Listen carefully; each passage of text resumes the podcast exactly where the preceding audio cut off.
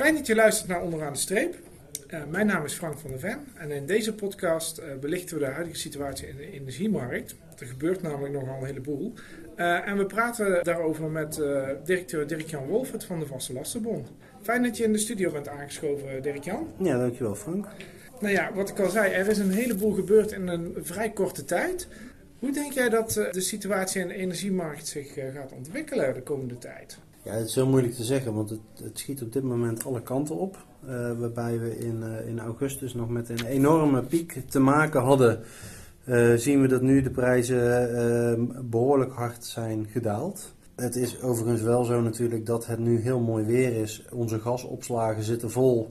Ja, en er blijft maar gas binnenkomen, want nou ja, we hadden bedacht dat we, ehm, dat we, dat we wellicht een tekort zouden hebben.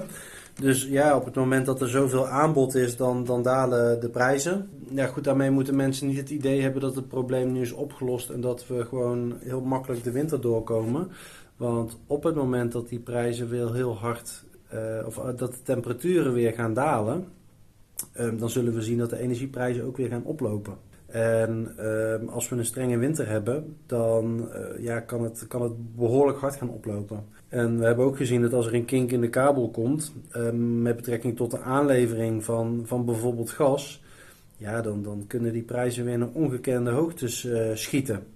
Dus het is heel fijn dat de prijzen op dit moment heel erg laag zijn. Uh, maar we moeten niet te vroeg juichen. Wat zou jij mensen adviseren die, die zich nou enorme zorgen maken over uh, de uh, status van de energiemarkt? Ja, de, we, we weten nu dat we worden gecompenseerd door de overheid. Eigenlijk de, de, hele zomer tot en, met, tot en met september was er onzekerheid van ja, hoe, hoe kunnen de mensen met een kleine beurs hun energierekening straks nog betalen?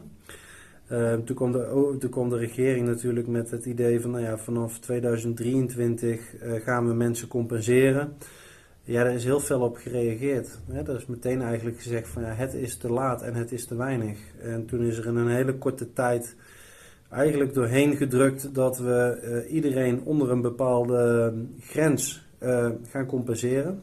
Dus als je onder de 1200 kub blijft, dan word je gecompenseerd. En onder de 2900 kilowattuur word je ook uh, uh, gecompenseerd. En dat is een behoorlijke compensatie.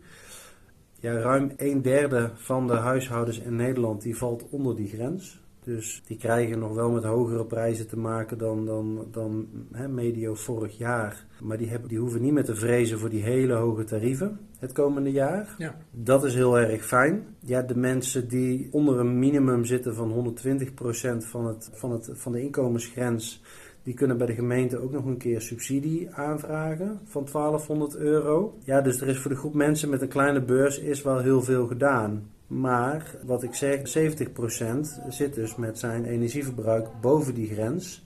En die betaalt boven die grens uh, de tarieven uit zijn energiecontract. Ja.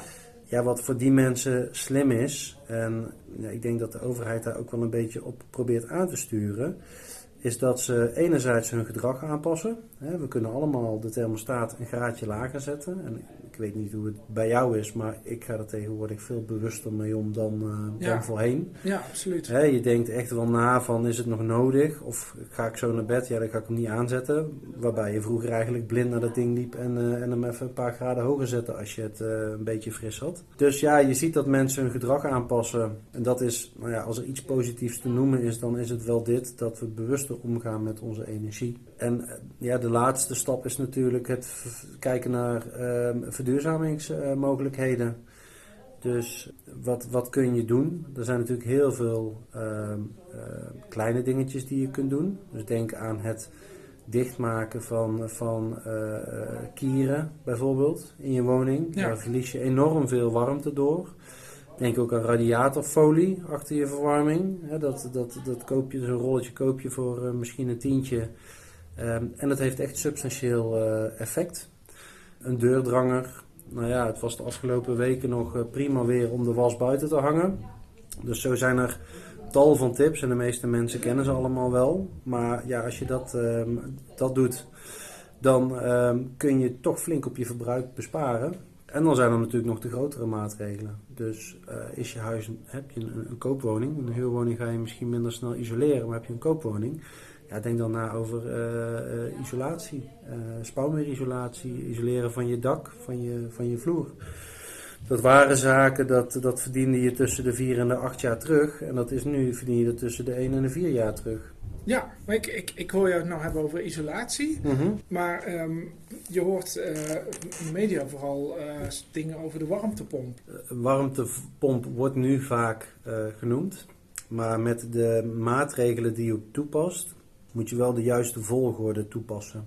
Want voor een warmtepomp is het heel belangrijk dat je een goed geïsoleerde woning hebt. Want anders krijgt die warmtepomp krijgt die jouw woning niet warm afhankelijk van het type dat je hebt. Ehm, maar dan verbruik je enerzijds enorm veel stroom om uh, je woning nog niet eens warm te kunnen krijgen. Ja. Dus dan um, ben je niet, niet efficiënt bezig, dan ben je niet goed bezig. Dus je moet pas uh, met een warmtepomp beginnen als je woning goed geïsoleerd is. En de, de investering van woningisolatie die is, um, die is ook hoger dan die van een warmtepomp. Hè, bijvoorbeeld spouwmuurisolatie, dat verdien je binnen 1 à 2 jaar uh, op dit moment weer terug. En een warmtepomp, dat is alweer een veel grotere investering. Hè, want een tussenwoning isoleren, spouwmuurisolatie, nou ja, ben je misschien 1000 euro kwijt. Een warmtepomp moet je denken aan tussen de 5 en de 7000 euro. Oké. Okay. Dan heb je een grotere woning en wil je hem volledig elektrisch hebben, nou dan ga je al richting de 10, 15.000 euro. Dus het is belangrijk dat je de juiste uh, volgorde pakt. En nou ja, de warmtepomp is op dit moment hot. Hè. Veel mensen hebben het erover. Maar het, het, advies is wel om te beginnen met isoleren. Stel nou dat, dat ik meer over dit onderwerp wil weten. Kan ik, kan ik daarvoor ook bij de Vaste Lastenbond terecht? Ja, zeker. Wij kunnen ook adviseren over welke stap je het beste kunt nemen. Uh, als je zegt van nou ja, ik, ik wil graag weten wat er bijvoorbeeld qua isolatie mogelijk is in mijn woning. Uh, dan kunnen wij een adviseur langs sturen. Uh, die gaat kijken hoe goed je woning isoleer, is geïsoleerd, wat er mogelijk is, wat het kost en hoe snel je het terugverdient. En dan weet je dus ook precies of het slim is om die keuze te maken of niet. En dat kan je gewoon via de, website, uh, de website van de Vaste Lastenbond aanvragen? Ja, je kunt gewoon via de webs website een um, vrijblijvend advies aanvragen. En dan komt er een adviseur langs en die neemt, uh, die neemt de hele woning door. Oké, okay, nou interessant. Ja. En um, een tijdje terug was de Vaste Lastenbond veel in het nieuws vanwege het, uh, het jaarcontract dat opgesteld werd met gewone energie. Ja. Dat aanbod is op. Mm -hmm. Kun je iets vertellen over een mogelijke opvolging uh, hieraan? Ja, we zijn op dit moment weer met leveranciers in gesprek om te kijken of dat we uh, weer een, een, jaarcontract kunnen gaan aanbieden. Uh, wat ik net al aangaf, de energieprijzen die zijn nu relatief laag. Mijn verwachting is dat die prijzen in de winter gaan stijgen en dat je dan niet met een variabel contract, dat je daar niet aan vast wil zitten.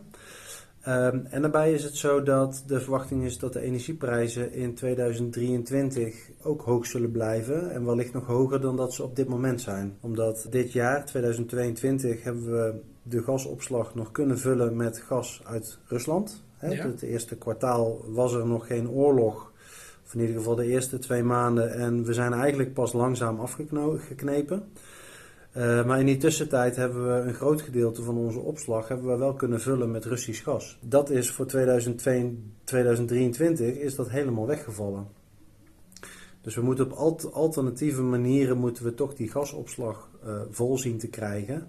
Ja, dat betekent dat we waarschijnlijk meer moeten gaan bieden om meer gas naar uh, Nederland en Europa toe te kunnen trekken. Ja, ja. dan dus, zou de komst van een nieuw uh, jaarcontract heel welkom zijn. Dan zou het heel fijn zijn om nu nog een jaarcontract af te kunnen sluiten, inderdaad.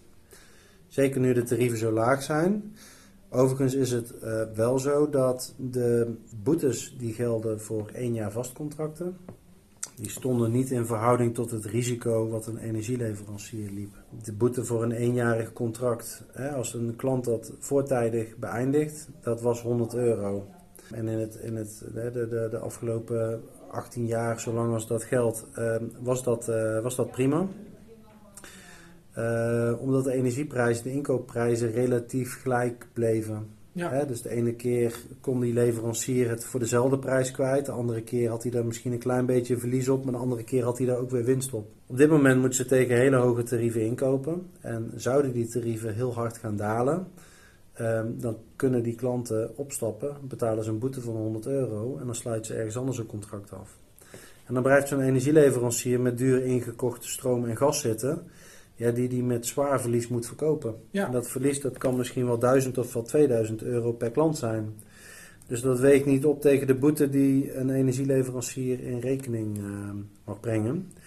Nu zijn de, over, dus de overheid, eigenlijk de regering, in samenwerking met de energieleveranciers, proberen ze tot een nieuwe oplossing te komen. Waarbij de energieleverancier een hogere boete in rekening mag brengen zodat het voor die leverancier ook weer interessant wordt om een één jaar of een drie jaar of een vijf jaar vast contract aan te bieden. Omdat hij weet dat op het moment dat die klant dat contract vroegtijdig beëindigt, dat hij een hogere boete in rekening mag brengen. Ja. Dus de verwachting is dat vanaf 2023 er weer energiecontracten op de markt gaan komen. Het nadeel is alleen dat in januari 2023 de energietarieven waarschijnlijk vrij hoog zullen zijn. Ja. Dus het wil niet zeggen dat je dan ook gelijk kunt besparen ten opzichte van het variabele contract wat je dan hebt.